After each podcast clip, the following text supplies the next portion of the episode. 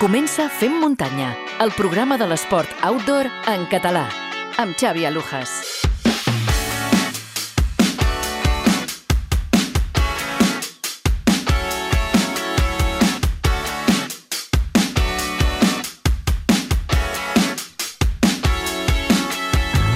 Hola, benvingudes i benvinguts al Fem Muntanya, aquest programa de podcast dedicat íntegrament a la muntanya i als esports outdoor. Comencem ara mateix el programa número 38 i com cada setmana i un dijous més tornem a publicar un nou capítol.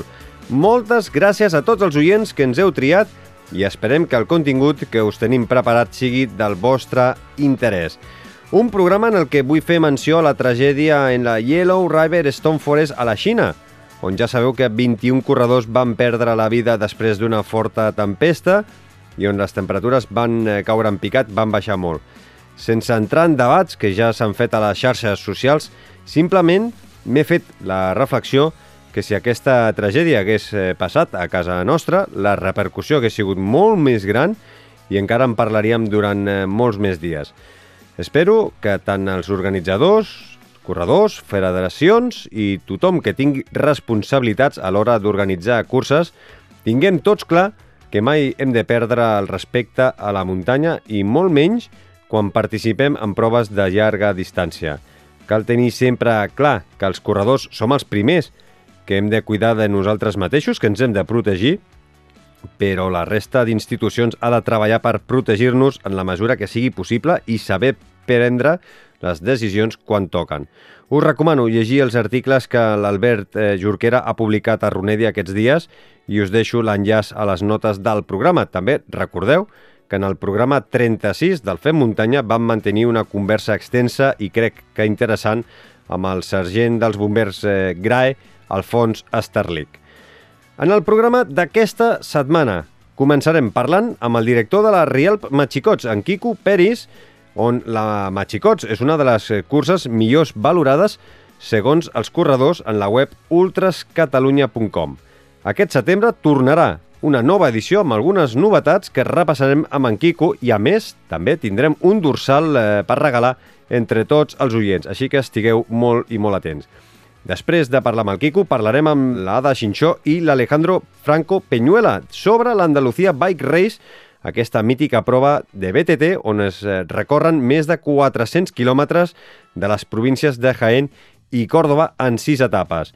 L'Ada i l'Alejandro han participat com a parella mixta i han quedat en una gran segona posició. Sabrem una miqueta com ho han viscut des de dins i també, evidentment, els felicitarem. I, com sempre, tindrem el repàs a l'actualitat amb l'Albert Torrent d'ultrascatalunya.com Farem una, un repàs de la previsió meteorològica amb la Mònica Usart i també passarem per la consulta del nostre coach esportiu de capçalera, en Guillem Marchal. Si és la primera vegada que ens escoltes, et recomano que et subscriguis en qualsevol de les moltes plataformes de podcast a on ens pots trobar i així no et perdràs cap programa més en el futur i també, si vols, ens pots eh, valorar amb 5 estrelles. Per exemple, ens pots trobar a Spotify, a iTunes, Google Podcast, Anchor, iVox, són algun, eh, alguna d'aquestes plataformes. I, com ja sabeu, també tenim la nostra web femmuntanya.cat. Ens trobareu a Twitter i a Instagram com arroba femmuntanya i, a més a més, a Telegram tenim un grup amb eh, molts dels eh, oients que voleu formar-hi part i on, eh, a més a més, també podem compartir opinions i alguns eh, dubtes.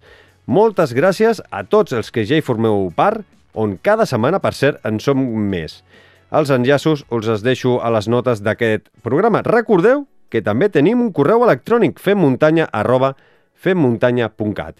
I recordeu que teniu una manera molt senzilla de col·laborar amb aquest programa. Si heu de realitzar una compra a Amazon, ens ajudaríeu si cliqueu primer l'enllaç que teniu a les notes del programa i que també teniu a la nostra web. Aquest enllaç d'afiliats us portarà directament al portal de compres a vosaltres.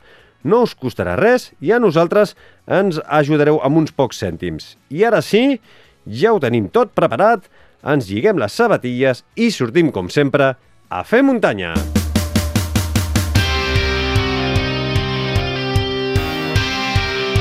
I el eh, primer que fem sempre al Fem Muntanya és actualitzar-nos i ho fem anant fins a la redacció d'ultrascatalunya.com i saludem a l'Albert Torrent. Hola, Albert. Hola, Xavi, què tal? A veure, comencem fent un, un repàs del que ha donat de si el passat cap de setmana dels dies 22 i 23 de maig i tenim eh, quatre curses disputades. Si et sembla, comencem pel Campionat d'Espanya de curses en edat infantil.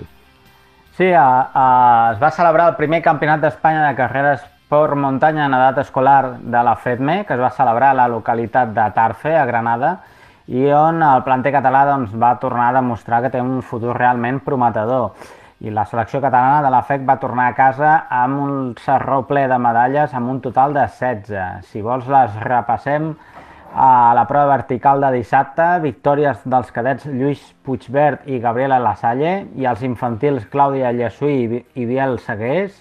La també catalana Uma Plans es va endur la plata. I a la prova lineal de diumenge, Lluís Puigbert i Gabriela Lasalle van tornar a guanyar, mentre que les corredores Rama Chaoki i Alaits Plans van completar un podi cadet plenament català. En categoria infantil, victòria de Biel Segués i Uma Plans i Clàudia Llesuí, que obtindria la plata. La prova combinada, que va valorar la regularitat en les dues proves, es van proclamar campions doncs, Lluís Puigbert i Gabriela Lasalle en la categoria cadet i Biel Segués i Clàudia Llesuí en la infantil i la selecció catalana es va endur el bronze per equips en categoria cadet i la medalla de plata en la categoria infantil. déu nhi quin planter que tenim i esperem que d'aquí pocs anys eh, doncs, siguin els que veiem eh, guanyant eh, grans campionats a nivell tant nacional com ah, internacional.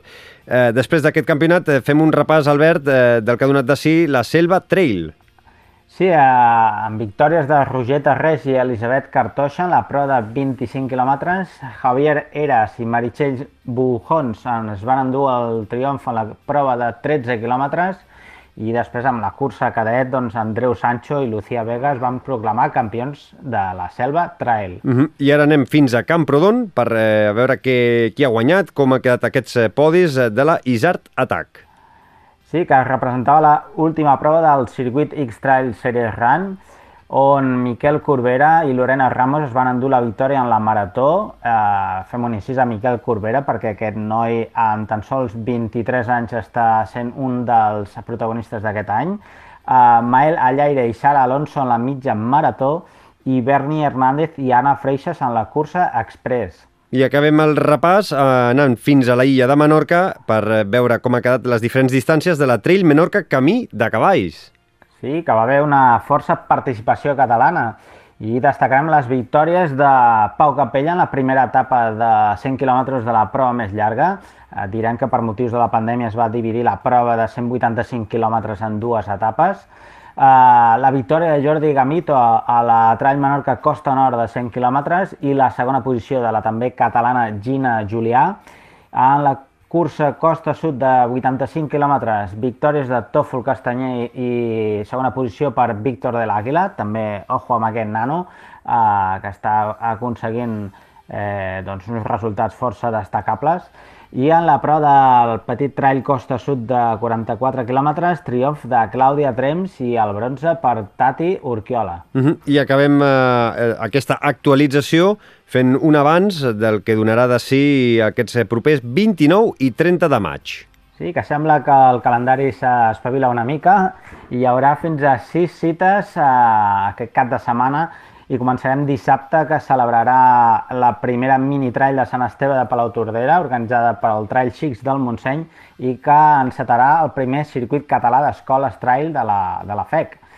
I ja diumenge doncs, tindrem a, a Sant Hilari Sacalm la Guilleria Six Trail amb tres distàncies de 42, 26 i 16 quilòmetres. A Sant Esteve de Palau Tordera el Trail Sant Esteve amb distàncies de 24 i 13 quilòmetres a Solsona, la Passos de Gegant Solidària, amb dos distàncies de 21 i 10 quilòmetres. A Arenys de Mar, la Trail Marxa Arenys de Mar, amb un recorregut d'11 quilòmetres. I tancarem doncs, a Sant Esteve d'en Bas, on es celebrarà la sisena edició de la Cames de Ferro al Puigdecalm, amb un recorregut de 23 quilòmetres i 1.300 metres positius i que serà la tercera parada de la Copa Catalana de Curses per Muntanya de la FEC. Em sembla que en aquesta darrera prova hi seràs eh, personalment eh, seguint-la. Sí, allà estarem per explicar-ho i a veure si ho podem eh, narrar i explicar a través de les vostres xarxes. Doncs ho seguirem. Moltes gràcies, Albert. Ens escoltem dijous vinent. Cuida't. Moltes gràcies. Adeu. Moltes curses, eh, així que què millor que saber quin temps ens esperarà per aquests propers dies, per aquest proper cap de setmana, i ho farem, com sempre, amb la nostra meteoròloga, la Mònica Usart. Doncs pel que fa al temps, sembla que acabarem aquesta setmana amb unes temperatures més altes que no pas aquests últims dies, màximes que es mouran entre els 25 i els 30 graus o fins i tot per sobre en punts de l'interior. Per tant, serà un cap de setmana força càlid, això sí, amb un temps més insegur que no pas aquesta setmana. Dissabte al matí s'espera un cel mig ennubulat i ja a partir de mig matí no es descarta que descarreguin alguns xàfecs en punts del Pirineu i del Prepirineu que després a partir del migdia també s'estendran cap a sectors de les comarques de Girona, de Barcelona, Catalunya Central i fins i tot avançat el dia doncs, podrien arribar cap a la resta del país. Per tant, de moment sembla que dissabte, sobretot durant la tarda, s'esperen xàfecs a moltes comarques i després diumenge tindrem un dia més tranquil amb un cel enterbolit o mig ennubulat, però sí que a la tarda es poden repetir alguns ruixats a les comarques del nord, més concentrats cap al Pirineu i al Prepirineu. Per tant, si teniu intenció de fer alguna excursió a l'aire lliure aquest cap de setmana, tingueu en compte que a partir de mig matí i migdia, sobretot comarques del nord, poden descarregar aquests xàfecs i dissabte a la tarda arribar també cap a molts altres punts del país. I no cal que ens abriguem gaire aquest cap de setmana. De fet, ja hem anat notant la pujada de les temperatures durant tota la setmana, doncs toquen sostre entre dissabte i diumenge. Ja sabem que estem a plena primavera i que el temps és canviant. Tindrem un temps insegur, com ha dit la Mònica Usart. De totes formes, com sempre, estigueu sempre pendents dels butlletins eh, informatius i de tots els canvis de temps que puguin haver els propers eh, dies. Moltes gràcies, Mònica. Fins dijous vinent.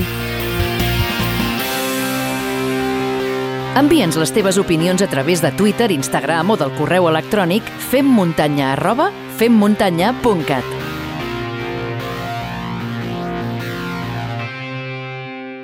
Els eh, propers 18 i 19 de setembre es correrà una nova edició d'una de les carreres eh, clàssiques de la tardor a casa nostra i una de les millors valorades, segons el portal de l'Albert Torrent, ultrascatalunya.com.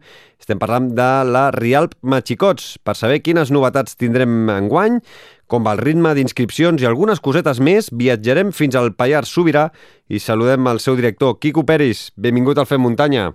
Hola, bona, bona tarda. Quico, comencem per les eh, inscripcions, si et sembla. Va obrir el passat 10 de maig, eh, van bé el ritme d'inscripcions? Es nota que la gent té ganes de, de posar-se un dorsal i, i de córrer?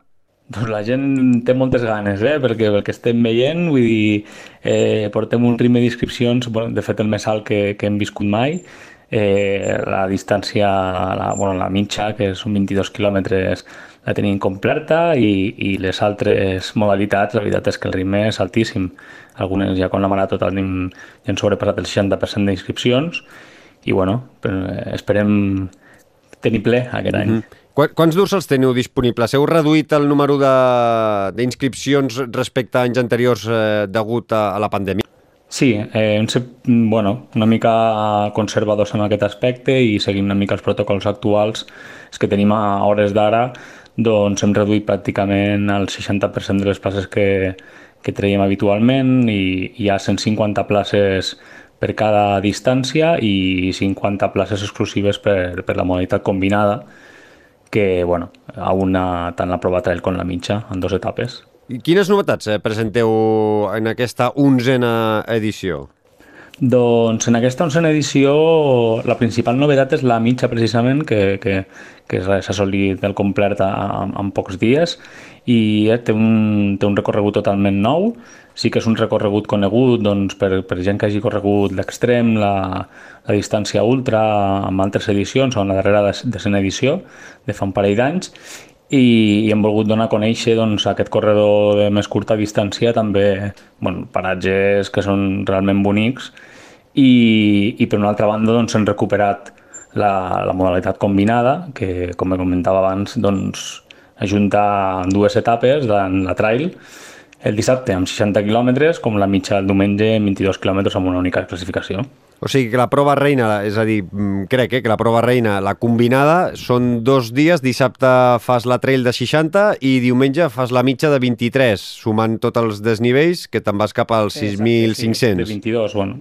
Sí, exacte, sí, sí, exacte, i llavors tot, tots els dies computen amb les classificacions, que és una, una altra novetat respecte a les tres edicions de combinada, és a dir, seria com dues etapes independents i després el que ja hauria de ser una etapa general a, a modo de, de volta ciclista, no? Està molt bé. Cada dia hi ha una, una classificació i cada dia tothom computa amb aquesta classificació i a més a més, evidentment, el que acabe la volta, en aquest cas la, la combinada, doncs entrarà a la classificació d'aquests 82 quilòmetres 6.500 positius. Aquesta combinada és eh, novetat d'aquest any, és a dir, no l'heu fet en cap de, de les altres 10 edicions o, o, o l'heu fet, l'heu tirat endavant a causa d'una mica de la pandèmia i mm, per, eh, doncs, a, a nivell organitzatiu eh, poder-ho fer més fàcil logísticament? Eh, es va realitzar a l'any 2017, l'edició 2017 i l'edició 2018. L'edició 2019 vam recuperar l'extrem, que diguéssim va ser la categoria reina en la que va néixer la Real Machicots, que, que és la Ultra, que, que, que una l'essència no, d'unir tant el massís de l'Orri com el Montsent de Pallars, que són els dos costats de la vall on es troba Rialp, i, i la veritat és que eh, logísticament i organitzativament i sent com som una organització modesta on, on tot tirem 100% de voluntariat, doncs és un esforç molt, molt fort el, el poder organitzar aquesta edició d'una edició de, de, de la modalitat extrem, que és el que vam fer per commemorar el desè aniversari. Llavors, per donar resposta, per seguir donant resposta doncs, a aquella gent que, que amb 60 no té prou, doncs el permetem que corri tots els dies i, i fem una classificació pues, reconeguent aquest esforç a, a poder recórrer 82 quilòmetres i un desnivell important durant, durant la trail i la mitja. Home, déu nhi eh? L'esforç físic ja pots recuperar bé perquè si el dissabte et casca 60 quilòmetres eh, amb 5.000 positius, si no recordo malament, i el dia següent en poques hores eh, et casques 22 més i 1.500 més de positius, déu, déu nhi Són molt tècnics els eh, recorreguts en general de la marató, de la trail, eh, de la mitja? A veure, la, la marató i la trail són, són dos modalitats absolutament alpines, on gran part del recorregut va per sobre dels 1.900-2.000 metres, assolim molts cims, eh, des del Tossal dels Altas que arriba a quasi 2.500 metres, però després fem Montsent de Pallars, Montorrollo, les Picacardes, que estan tots per sobre 2.800 metres, encara es fa després la Paladeixa, que torna a ser 2.600 metres, és a dir, són, són carreres alpines i, evidentment, amb un terreny que, que a trams doncs, són tècnics. Són tècnics amb baixades per tarteres, eh, trams de pujada per canals... Evidentment són, són curses 100% alpines i muntanya pura. Evidentment la mitja ja és un terreny més de mitja muntanya, però també té trams on bueno, eh, hi ha alguna sorpresa aquest any en la mitja doncs, per algun barranquillo, doncs, eh, haurem de xafar una mica fang, perquè si no aquests amics del Bisaura només xafen fang ells i nosaltres també volem xafar fang de tant en tant, llavors ens ficarem una mica de, per, pel fang també per, per, per homenatjar-los amb ells. I, I sí, sí, també hi ha alguna baixada tècnica, però bueno, és un terreny ja més de mitja muntanya. Parlarem amb els amics del Bisaura d'aquí poques setmanes al, al Fem Muntanya. Eh, en, per tu, eh, Quico, quines són les zones més xules i en aquelles eh, zones on els corredors hauran de parar i gaudir uns segons de l'entorn i oblidar-se que estan enmig d'una cursa i dir, un moment, paro, gaudeixo uns segons de les vistes o gaudeixo d'aquest espai i que dius que, que ha de ser imprescindible? Ai, això és difícil, eh? Okay. Bueno, t'ho poso, poso difícil, que, sí, sí. Que, Sí, sí, sí, difícil, difícil. Hem de tenir en compte que, que, que el dissabte entrem a la zona perifèrica del Parc Nacional d'Aigües Tortes i, per tant, eh, tenim un paisatge espectacular. O sigui, quan arribes a Montsent de Pallars s'ha de parar sí o sí. Primer agafar aire i, i, i després a, a fer un, una mirada a 360 graus perquè veiem bueno, tota la zona lacustre de la Vall Fosca, eh, després eh, quan arribem a Montorrollo el canvi de, de, de terreny és espectacular perquè, com el seu nom indica, és una muntanya totalment roja, eh, amb, la, amb pedra totalment diferent al Montsent de Pallars, en, en, en pocs metres canvia, és, és un paisatge una mica lunàtic i, i la veritat és que és espectacular. Ja quan anem cap a Espot, eh, passem pels estanys de Mainera, seguim per la zona perifèrica del Parc Nacional, és que té, té, té molts punts, té molts punts. I el diumenge, doncs, eh, entrem per, per trams de boscos espectaculars, amb bona humitat, amb boscos de pi, de pi roig i de pi negre, per la zona de Roní de Veraní, i, i després també doncs, recuperem passar pel, pel poble abandonat de Sant Romà de Tavernoles, que també té, té, té, el, té el seu encant. Uh -huh. I quina creus que serà la zona més complicada per la majoria de, de corredors? Bueno, eh, sempre arribar a, a traspassar els altars Montseny de Pallars i Montorroyo eh, és, és un esforç important, perquè estem parlant de que en, en poc més de...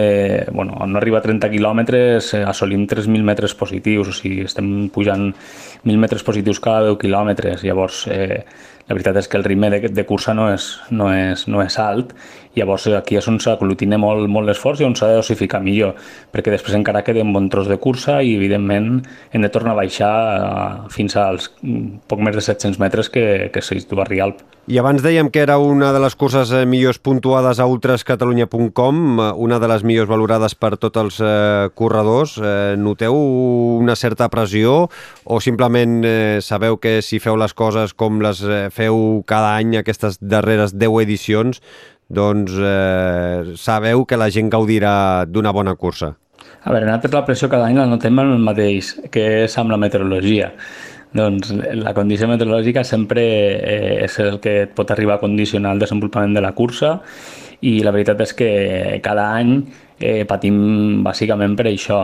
Per l'altre hem aunat un cos de voluntaris que ho donen tot, ho donen tot, evidentment, eh, sempre hi ha coses a millorar, evidentment hi ha anys que falla una cosa, anys falla una altra, però tenim confiança total amb, amb aquests quasi 300 voluntaris, amb tota la gent que poble a poble eh, gaudeix, viu i es desviu pels corredors i, i això és, vull dir, és un valor que, que, que bueno, és impagable. Uh -huh. Llavors, bueno, el temps és, és l'únic que, que, no, que no depèn de nosaltres i el, el, el que ens fa patir és el que ens pressiona cada any. Uh -huh.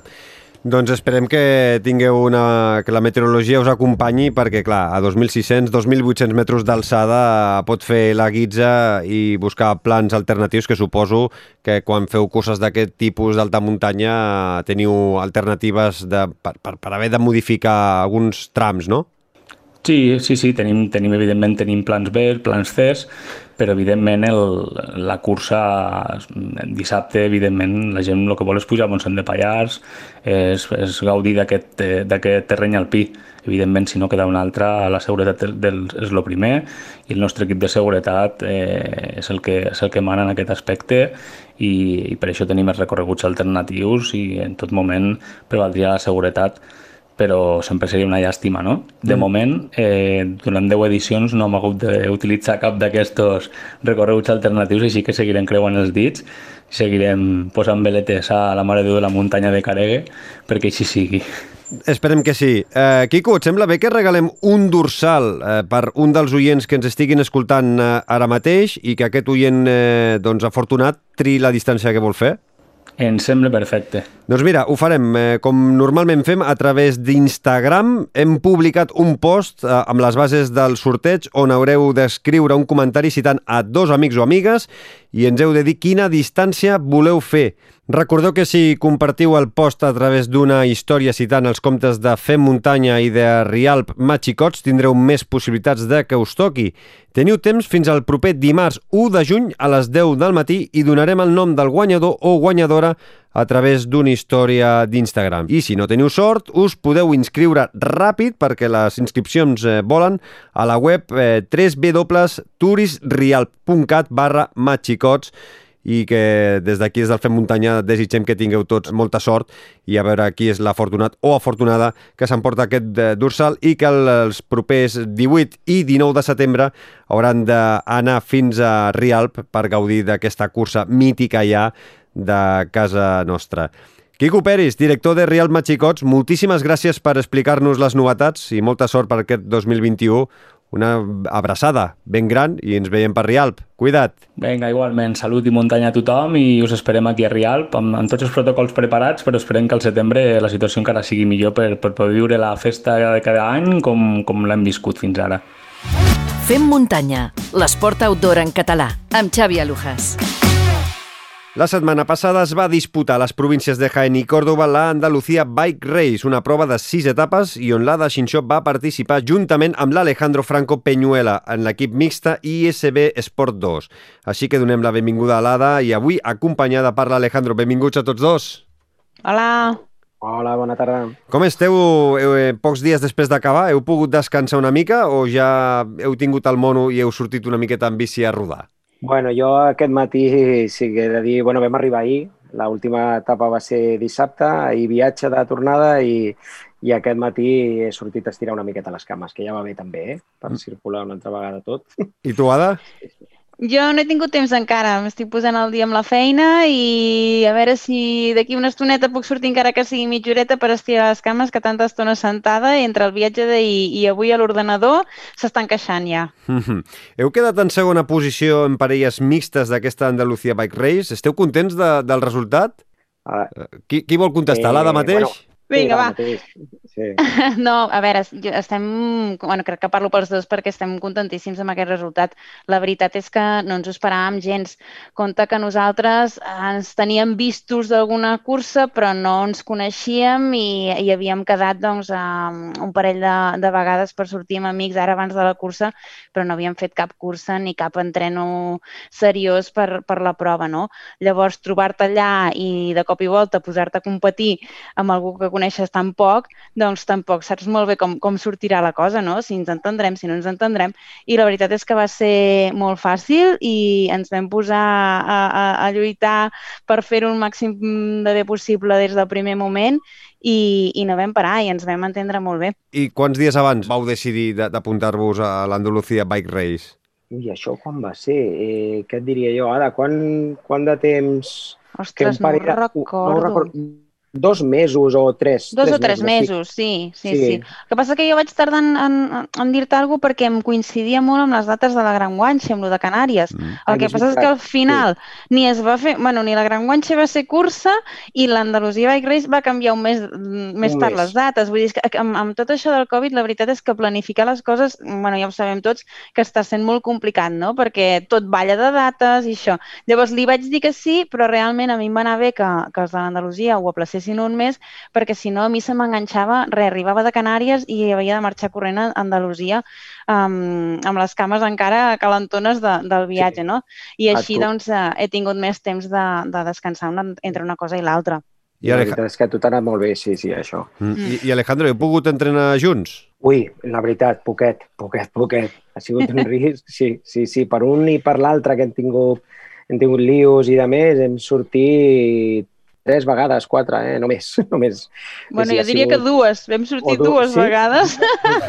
Veritat, dues, dues, dues, dues. Jo dic tres o quatre perquè ens vam veure aquell dia de l'ICB, però no vam fer Ah, res exacte. Sí, Sí, sí, sí. sí, dos, sí, sí, dos vegades. No he fet cap cursa junts, o sigui, és que té molt de mèrit també, eh, això, perquè ha anat molt bé en, en quadrat. Quan quadres amb una parella, perquè en cursa és, és difícil també, eh? eh, que tot surti rodó i de més, i ha, i ha sigut fàcil. La paraula per mi seria fàcil, ha sigut fàcil. Mm -hmm. Sí, ha sí, sigut sí. fàcil entendre'ns perquè realment um, haguéssim pogut xocar també de caràcters, no? Perquè una cosa és trobar-te un dia amb un grup d'amics Sí. i, anar a fer un, i anar a pedalar Clar. sense cap mena de pressió i l'altra és trobar-te allà sota la pressió lluitant per aconseguir una bona posició i que ningú, i que, i que ningú li saltin els nervis, ni, saps? Vull dir, no, i no, Exacte. tot perfecte. ens hem entès, ens hem entès bé i hem donat del part dels dos a tope, ho hem donat tot i, i així ha anat bé. Al final els resultats, quan són curses aquestes per etapes i de tants dies, com sis dies seguits, eh, si al final de tot estem allà és perquè ha anat bé, perquè tot et posa al teu, al teu lloc. Eh? Mm -hmm. Cada parella es posa al seu puesto. Ada, per exemple, tu mateixa, eh? eh explica'ns una miqueta, pels que no estem avasats a, a aquestes disciplines, en què consisteix la- l'Andalucía Bike Race? Vale, doncs mira, l'Andalusia eh, en aquest cas era una parella, eh, i havia de ser per, l'havies de fer per parelles, una cursa de, de sis etapes. Hi havia primer un pròleg que serveix, és una miqueta contra rellotge i serveix una miqueta per definir la graella de sortida de, de, de, de la següent etapa, diguéssim, de, del primer dia que ja es considera etapa a etapa. Llavors um, fèiem tres, el pròleg i dos dies a, a Jaén i llavors ens havíem de desplaçar a Còrdoba on fèiem les uh, tres següents etapes. Normalment aquesta cursa es fa al febrer, la qual cosa vol dir que si estàs cas d'Andalusia, però el temps sol ser més aviat fresquet, però clar, al passar-lo al maig i resulta que va ser, vam arribar la primera setmana amb calor, ens vam trobar doncs, amb de, de temperatures doncs, de 30 a 30 i pico graus i ens va agafar aquí una calorada de cop que, que no vegis, no? Llavors, com que és en parelles, um, has d'anar sempre junts, no, no, no es poden separar les parelles, tens com un lapso de temps de, de dos minuts, no pots estar més de dos minuts de temps separat de, o sigui, de distància de dos minuts separat l'un de l'altre. Mm -hmm. I nosaltres, de fet, és que vam córrer tota l'estona junts. I vosaltres eh, participàveu a la categoria mixta d'home i dona, no? Perquè també hi havia diferents eh, categories. A més a més, també estaven a una categoria professional, no? Si no vaig mal entès. Correcte, hi ha la, la categoria UCI, que és la, la, dels professionals, que, però en aquest cas només hi pots córrer o en parella masculina èlit o en parella femenina èlit. Després, a part d'això, doncs, també pots córrer també amb amb màster 30, màster 40 o màster 50, amb parelles de, del mateix sexe, però llavors aquestes categories, i la nostra també, no són, no són considerades a, a nivell UCI. Mm -hmm. A veure, eh, per quins tipus de terrenys us heu mogut? Eh, més pistero, més corriolaire, eh, més eh, rocós... Eh, és a dir, és, és molt diferent al que esteu acostumats a fer, per exemple, tu, Ada, per aquí pel Vallès? Bueno, hi ha de tot. De fet, de fet les etapes eren molt variades. A nosaltres hem coincidit també molt que amb l'Alejandro i a mi ens agraden les, les, les zones tècniques, no? Llavors, sempre que podem en les nostres um, regions, bueno, nostres, allà on sortim, busquem zones tècniques. I allà vam tenir la sort de que hi havia etapes que eren bastant tècniques. Per exemple, la prim una que vam fer a, a Jaén sí que va ser molt, molt rodadora, amb molta pista, que va ser realment la que ens va anar pitjor perquè és el terreny que menys ens agrada i que, bueno, doncs jo, per exemple, que crec que se'm dona pitjor.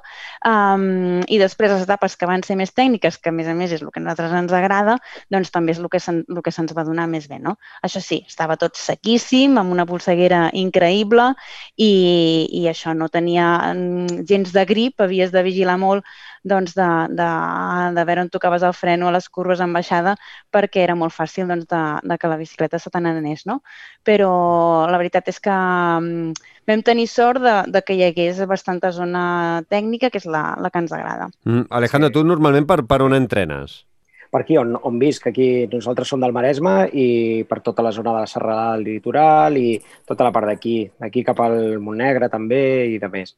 Mm -hmm. I és, és bastant diferent el terreny. Sí, aquí és més sauló, és més humit i, i bueno, és molt tècnic, per això, per això també controlem bastant aquest tipus de, de terreny. I allà el que ens hem trobat és el que ha dit l'Ada, és, és molt sec, sobretot, molt sec, i, bueno, i la temperatura va ser tot... La temperatura, la humitat, eh, tot va ser molt, un canvi molt radical d'un dia per l'altre. Ens va costar una mica al principi, el que ha comentat la segona etapa i de més, perquè era més rodadora, entrar en cursa, però després ja al final nosaltres i tothom acostumes i, i ja vas a millor. Però sí, la diferència de terreny és, és difícil, és difícil. Mm -hmm. és... Heu, heu, us ha donat temps de, de gaudir de bons paisatges? Bueno. o heu anat tan embalats que ni, ni us heu sí. donat compte gairebé. Quan competeixes molt una cursa, des de la sortida fins a l'arribada, la realitat és que, que la, el camp no l'aixeques gaire de, del terra, eh? perquè vas tota l'estona molt concentrat a sobre de la bici, pujant i baixant, eh? en tot moment. I llavors no et despistes res. Estàs mirant la roda davant quasi tota l'estona. Sí Sí, sí, és així. Aquesta és la realitat. No mires gaire al paisatge. I, i... A Jaén, a Jaén vam fer una pujada Jaén, sí. xulíssima, que pujàvem a, bueno, sí. a 1.500 metres, una I pujada per Corriol, que com que al final allà tampoc pots agafar massa velocitat, no? Perquè, perquè el Corriol ser... sí. no et deixa i teníem un, un paisatge, una pujada bueno, en d'Aga per Corriol amb, amb unes vistes brutals. Sierra Nevada es veia, es veia Sierra Nevada, mm. tot nevat, eh? Tota la Sí. La muntanya era preciosa, aquella sí. Sí, en pujada sí que vas mirant i, i veus, però, però sí, aquella zona era molt guapa. A mi Jaén em va agradar sí, sí. més, perquè I, hi ha més, jo... I, i, he de reconèixer que anava molt... A, a, a, no, no em donava temps de res. O sigui, mirar al terra i, i apretar, apretar, apretar i apretar. Bueno, I poques jo, vistes. Sí, el que, el que li comentava, jo igual, jo igual perquè el poquet de temps pues, intentes ajudar al màxim a la teva parella, perquè sí, sí, és, una, és la, la categoria del ser per equips, eh, has d'ajudar-te mútuament tota l'estona. Això us anava a preguntar, tots dos. Eh, mm, quan correu amb, amb parelles, eh, que feu un equip de dos, eh, sí. clar, les, la, els temps que, que heu fet, eh, per exemple, doncs, eh, cada, cada etapa doncs, entre 3 hores eh, 40, 4 hores 50 la tercera etapa, per exemple, 3 hores 20 la quarta etapa, 3 hores 59 la, la cinquena etapa, és a dir, us heu estat unes bones hores cada dia. Eh, sí. Com us organitzeu l'etapa? Eh, com prepareu l'estratègia? Si és que suposo que teniu, prepareu una, una, una part d'estratègia i després, eh, durant l'etapa, com, com, com us ho feu? La, qui puja millor va davant, després les baixades si l'Ada va millor... És a dir, com, com us organitzeu per eh, ser més eficients durant totes aquestes hores eh, que esteu sobre la bici? Mira, jo el tema ara que comentes això de les baixades i les pujades, anàvem amb una idea, però com no havíem entrat gaire i sí que sabíem que els dos érem, eren més això, més tècnics i tal, a mi m'agrada molt baixar eh, i, i vam pensar, dic, mira, tiro jo endavant baixant, em marco la traçada i així baixem millor i vas controlant i tal. Però bueno, ens va durar això el primer dia, perquè clar, jo anava davant, anava, estava tota l'estona controlant, mirant enrere i tal, i, i era una mica complicat la seguretat també. Llavors eh, vam provar que ella passés davant a les baixades i, i jo em vaig adonar, dic, que és que no cal anar més ràpid, saps? o sigui, si és que anem de conya amb tu davant. I vam canviar totalment l'estratègia de, de les baixades sí. i, va, i ens va anar molt bé. I després, durant... Bueno, i les pujades, pues, eh, jo podia ajudar el que pogués, eh, ho treia, també t'avances als habituallaments per fer omplir els, els bidons d'aigua, llavors m'avançava jo, omplia, després li donava a ella fent un sprint i, bueno, i així, és que no és per... S'ha de viure això, perquè no és per ni un mil·lisegon, eh? Sí, sí. Eh, en, en cursa, quan l'estàs quan l'estàs disputant, quan l'estàs disputant és que no pots perdre... És vàlid, bueno, la prova que després de sis dies, 400 quilòmetres, hem acabat a 4 minuts. déu nhi de l'altre, del, del, és, és, és molt sí, just. Sí, és no, no, a, a, a, heu, heu, quedat, heu quedat bastant... Eh, mira, el, els primers, que han sigut l'Anna Jordan Silva i el José Raúl Hernández Silva, sí. eh, de, també de l'ISB Sport 1, en aquest cas, han fet 20 hores, sí. 23 minuts, 37 segons, i vosaltres eh, heu fet 20 hores, 28 minuts, 58 segons, com dius, eh, 5 minuts de, de diferència exacta, gairebé. Sí. Vull sí, dir, després sí, sí. de 400 sí, quilòmetres... Sí, Eh, de, sí, sí. Déu-n'hi-do. I eh, sí que heu distanciat bastant el tercer equip, que és el Garmin Lapierre, l'Antonio Moreno Ortega i la Ramona Gabriel Batalla, que els heu deixat a 20 mm. hores, 49 minuts, 59 segons, és a dir, ens anem a 26 minuts de diferència. Sí, ells van començar sí. líders, després hi va haver una etapa que van tenir un problema mecànic i, que, i a nosaltres aquella etapa ens va anar molt bé, era la que tenia més desnivell i per nosaltres en baixades més llargues, tècniques, i allà vam poder aprofitar molt la nostra avantatge de, de, de ser més tècnics, no? I aquella etapa, o sigui, vam passar de fer cinquens a, a la segona etapa a, a fer primers a la, a, la, a la tercera i guanyar allà moltes posicions, no? Llavors, um, um, aquí es va començar a la tercera etapa etapa es va començar a definir una miqueta el que acabaria sent doncs, la, la, la classificació definitiva, sí. no? I, I en quant a reservar l'energia, eh, heu fet alguna mena d'estratègia de dir a poc a poc i intentem arribar a les últimes dues etapes forts o heu donat tot cada dia Impossible, i, i, Xavi, i bueno, impossible. Hem, do, hem, donat, hem donat tot des de l'inici fins al final, això t'ho puc assegurar, però res, no ens hem deixat absolutament Res, que l'últim dia ja era... Tirava molt, molt, molt de coco, eh? eh perquè aquí el gran pare és el, és el cap i al final la il·lusió, el tal, vinga a veure si passa alguna cosa, perquè bueno, penses, és 4 minuts, pot passar ben sortir amb una... Amb, bueno, anàvem, anàvem 4 minuts per darrere a l'última etapa mm -hmm. i vam dir, vinga, apretem l'estratègia, l'única estratègia que tenim aquí és apretar el cul. Provar-ho. Provar-ho provar-ho i tirar endavant i vam, vam sortir així, vam sortir, ens vam posar primers i, i a donar-ho tot. I el que passa que a meitat de l'etapa o així ens van atrapar i ja vam mantenir la distància, però ja no era suficient, ja no podíem, ja no podíem tornar a passar-los, ja no hi havia forces. I, bueno, i vam acabar, vam acabar això un minut per darrere, que no és res. O sigui que sí, sí, ho hem donat tot. Des del principi I... no, ens hem reservat. I logísticament, l'Andalucía Bike Race com estava organitzada? Perquè, clar, hem, hem parlat que, que són sis etapes, començàveu a Jaén, heu acabat a, a Còrdoba, eh, totes les etapes començaven en el mateix punt i acabaven, o sigui, les sortides i les arribades eren al mateix punt, però cada dia eren diferents, no? Com us desplaçàveu amb totes les bicis, tot el material, i on deixàveu tot el material que portàveu eh, pel vostre dia a dia quan, deixàveu, quan acabàveu aquella etapa i que no havíeu d'utilitzar durant, durant la prova? Bueno, necess... Ah, realment necessites un, un, un vehicle, eh? o, o algú per moure't perquè és això que dius, vale, encara que hi havia tres etapes a, eren a Jaén, eh, realment el, els, encara que estiguessis a l'hotel de l'organització, l'hotel no era a prop de la sortida, per tant, ho havies d'anar pedalant força estona abans, però no era a prop i, i tampoc ens convenia. Llavors eh, necessites un cotxe, perquè més hi havia un, una sortida d'etapa que era a uns 20 i pico quilòmetres o 20 quilòmetres de, de, de Jaén, eh? Sí, sí, sí, la pantà aquell eh, necessitaves un vehicle seguríssim. I llavors la gent, doncs, o vas, o vas això, o vas d'hotel o, o vas a, a, a... Molta gent també va amb autocaravana. Mm -hmm. o sigui és una altra que... de les opcions. Llavors, eh, diguéssim que els hotels els posava l'organització si, si vosaltres els necessitàveu, si no, amb l'autocaravana... Mm, en suggereix alguns, sí, sí. Si sí, no, amb sí, l'autocaravana, ja. i si no, llogàveu vosaltres un cotxe per vosaltres per poder-vos desplaçar.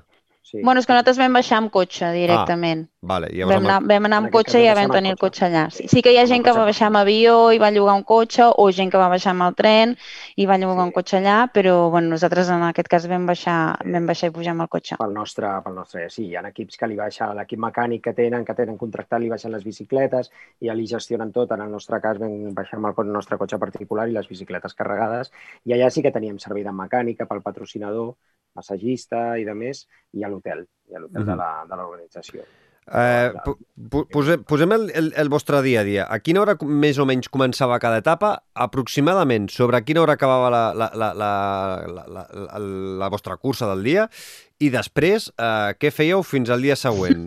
El vostre dia a dia, una mi... o sigui, la, hem parlat del que és el, les hores de cursa, les hores sobre la bicicleta, però quan no hi estàveu pedalant, què, què fèieu? Val. bueno, mira, les, les etapes començaven o a les 9 o a les 10 del matí. I, de fet, n'hi van haver dues que una van avançar i, van i, i també ens van retallar quilòmetres en dues etapes pel tema de la calor.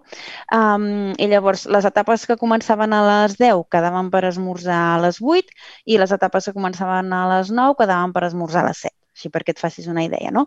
Llavors, eh, esmorzàvem, eh, tornàvem a l'habitació, ens canviàvem de roba i ens preparàvem ja doncs, per, anar, per anar cap a la sortida. Eh, els típics nervis de la sortida, buscar la teva graella de sortida perquè segons el dorsal i el temps que hagis fet surts d'un calaix o d'un altre, que aquí també doncs, el tema de la tàctica que comentàvem comentaves abans, doncs depenia molt de, de en quin calaix estaves i si en el mateix calaix teu hi havia les altres parelles mixtes o no, perquè clar, és diferent estar en un calaix sol que no tingui referències o que surtis amb els teus competidors a roda i tinguis les referències molt més clares.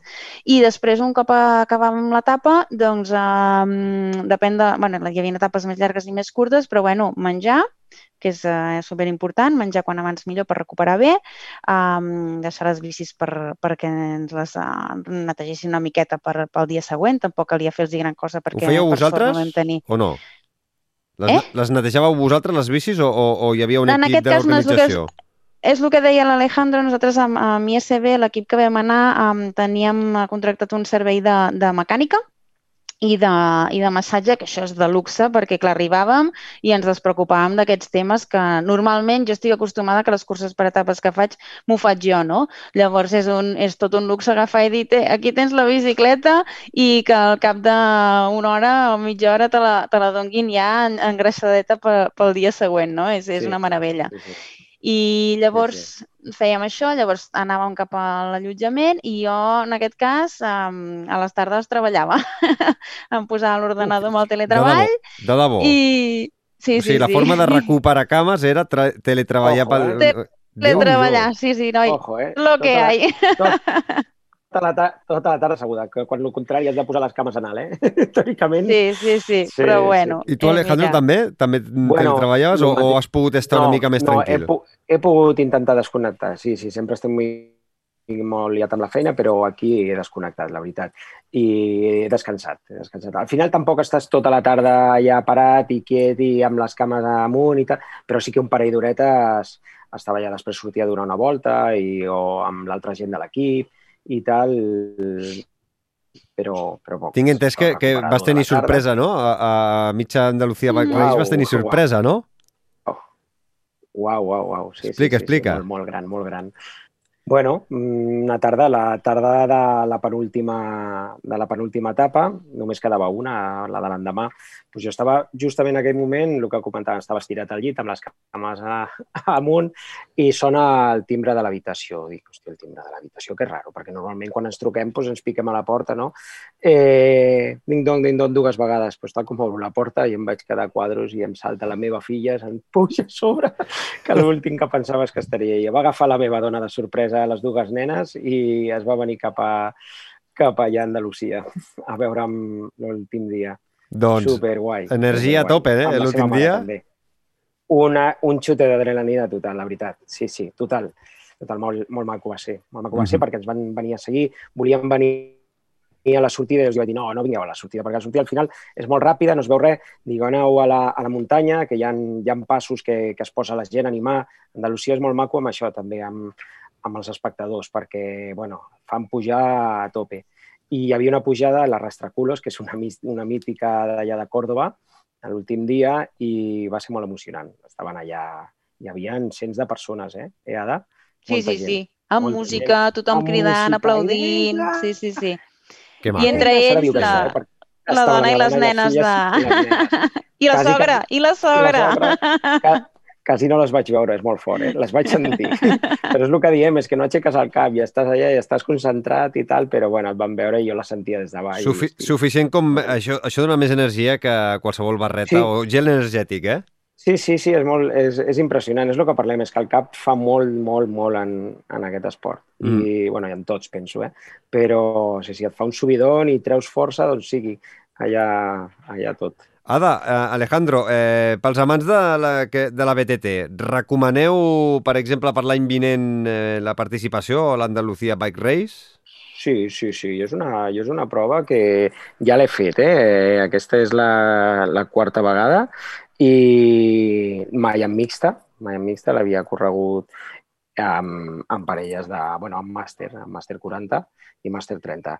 I sempre m'ha agradat. Em vaig quedar sorpresa el primer any que vaig anar. I, vaja, perquè no m'ho esperava. Aquell terreny allà i tanta muntanya.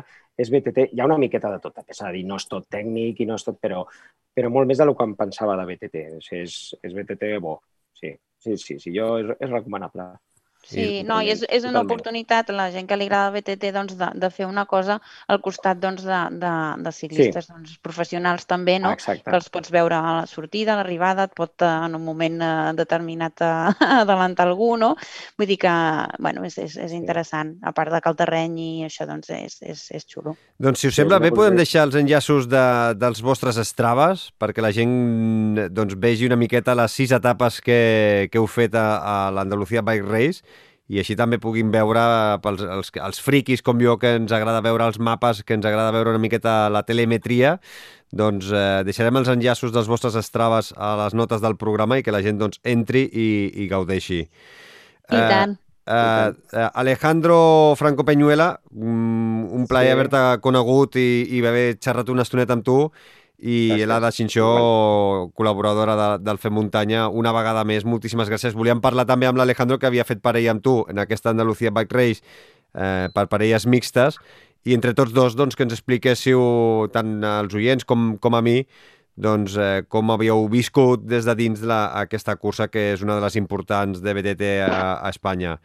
Moltíssimes Nosaltres gràcies. encantats. Moltíssimes gràcies per, per estar amb nosaltres i amb tu, Ada, bueno, i com que no pararàs, eh, jo crec que abans, abans, que, abans d'acabar la temporada crec que alguna borrada més d'aquestes faràs i anirem parlant. Perfecte, i tant que sí, no ho dubtis. Alejandro, Ada, moltíssimes Molt gràcies. Cuideu-vos, una abraçada. Una abraçada. A vosaltres, una abraçada. Busca'ns i segueix-nos a Twitter, Instagram i a Telegram.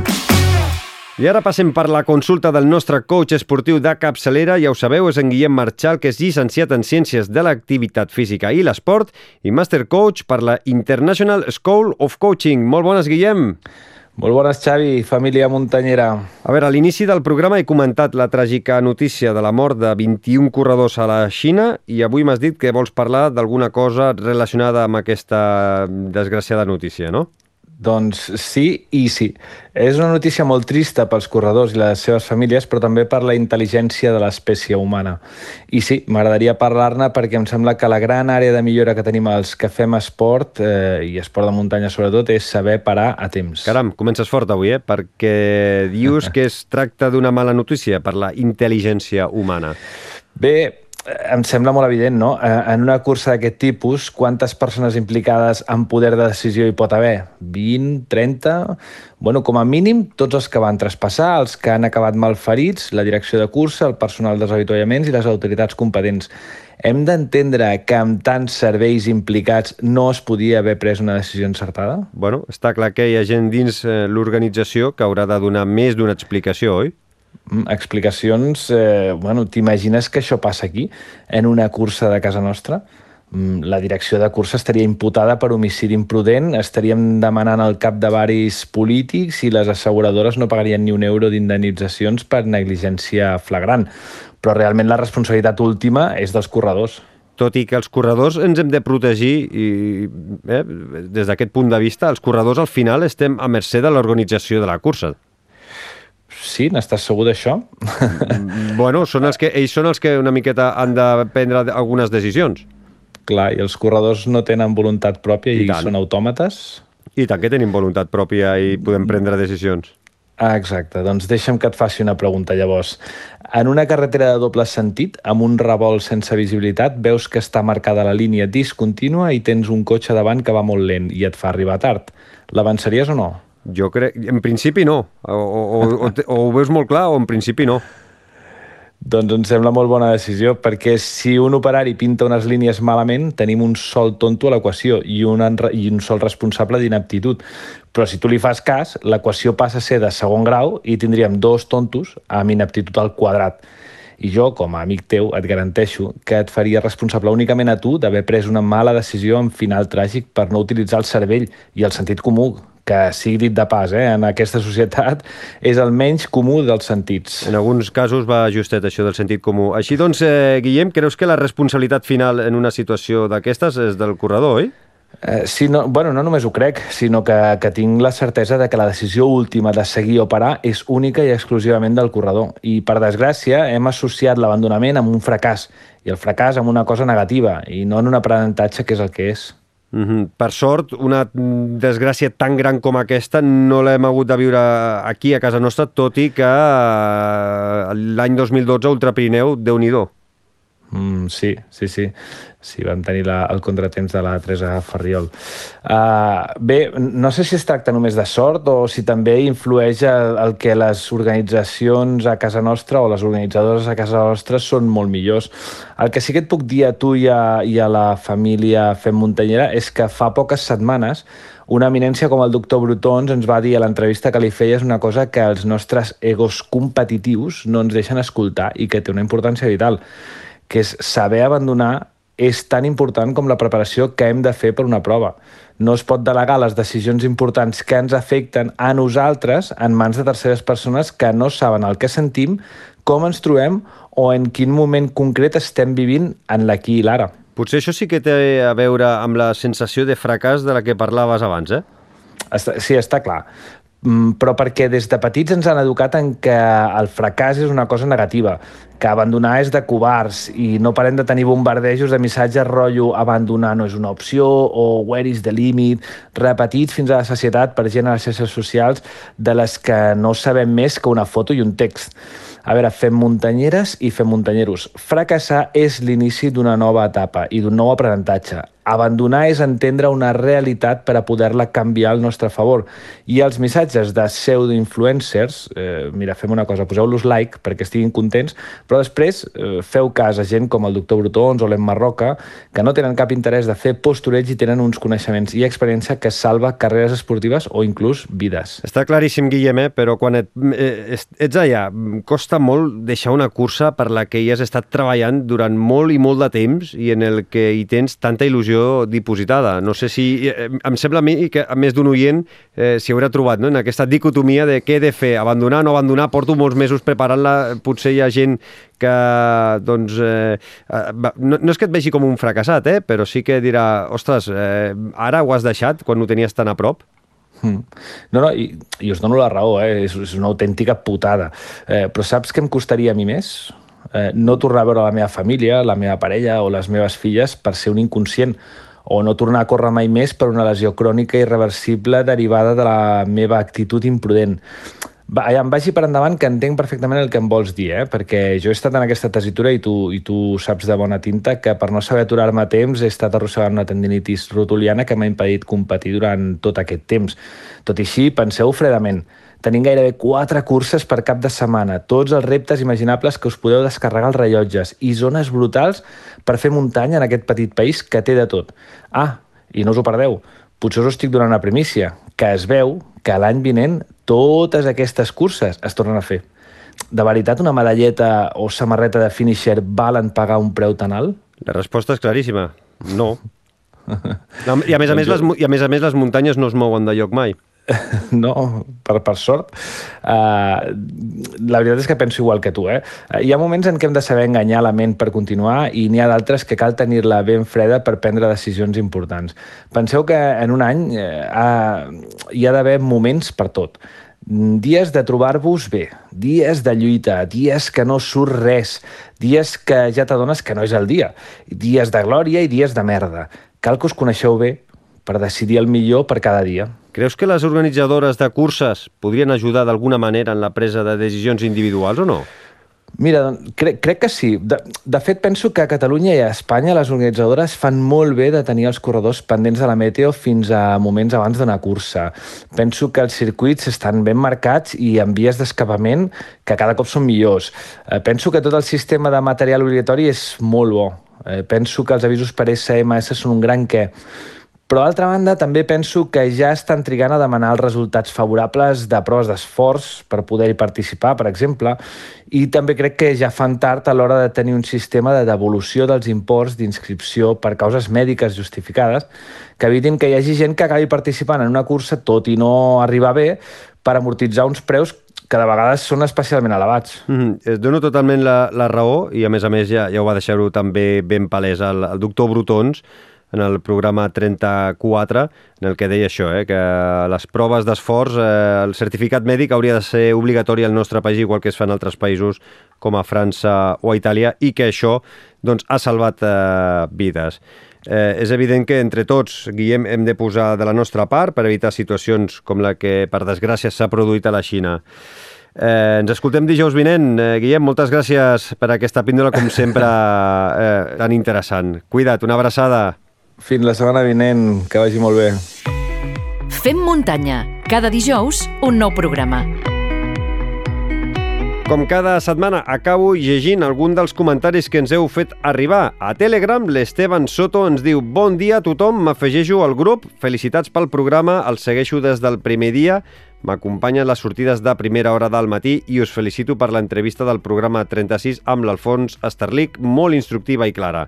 Continueu així, moltes gràcies, eh, Esteban, pel teu comentari i sobretot per afegir-te a la comunitat eh, Fem Muntanyera a Telegram. També en aquesta plataforma el José ens escrivia interessantíssim podcast en tots els aspectes referint-se al, al darrer programa amb la xerrada amb en Rafa Flores. Diu, me l'he escoltat pujant a les agudes i al turó de l'home. Espero, José, que aquesta sortida l'hagis disfrutat perquè és ben, ben i ben xula. En Kilian Barbeta deia, referint-se també al programa 37 Super Podcast, m'ha encantat com parla el Rafa. Jo també faig servir Training Peaks amb el meu entrenador i va de conya. Fantàstic programa, Xavi. En Joan escrivia, Xavi, molt interessant l'entrevista amb en Rafa Flores, sobretot em quedo amb la importància de l'estratègia en cursa. Jo cada vegada hi dedico més temps abans d'una cursa i acaba sent molt agraït estudiar bé el perfil, avituallaments, quilòmetres, quan menjar i beure, crec que és vital. Jo també, Joan, eh, doncs, aquesta part de l'estratègia intento anar fent-la, perquè a més a més és divertit i és una manera de començar la cursa abans d'hora i també és una forma de descansar bé la nit eh, abans. Moltes gràcies a tots els que dediqueu un temps en escriure'ns. Realment ens agrada tenir aquest contacte amb tots vosaltres. I acabo agraint que hagueu arribat fins aquí. Moltes gràcies per la vostra confiança i espero que hagi sigut interessant i us hagi agradat aquest Fem Muntanya ja número 38. Subscriu-te a la plataforma de podcast que més t'agradi si no ho has fet ja i valoren, si us plau, amb 5 estrelles, perquè així és una de les maneres que tenim per arribar a més amics. Escolta o reescolta qualsevol dels anteriors programes que tenim publicats, ho pots fer doncs, a través de la nostra web femmuntanya.cat o a través de la plataforma de podcast que triïs. I també ens pots recomanar als teus i am amics i amigues muntanyeros. I us esperem a tots i totes al grup de Telegram. L'enllaç el teniu a les notes del programa. Moltes gràcies també a tot l'equip que ha fet possible aquest programa. L'Albert Torrent, el Guillem Marchal, la Mònica Usart, en Quico Peris, l'Ada Xinxó i l'Alejandro Franco Peñuela. De debò, moltíssimes gràcies a tots per ser-hi. Una salutació de qui us ha parlat, Xavi Alujas. Com sempre, és un plaer poder estar cada setmana a aquest costat del podcast i poder-vos explicar aquestes històries. Tornarem dijous vinent amb el programa 39 amb més històries i, sobretot, molta més muntanya. Fins llavors, gaudiu de la setmana amb salut, seny i muntanya. Busca'ns i subscriu-te a qualsevol de les principals plataformes de podcast.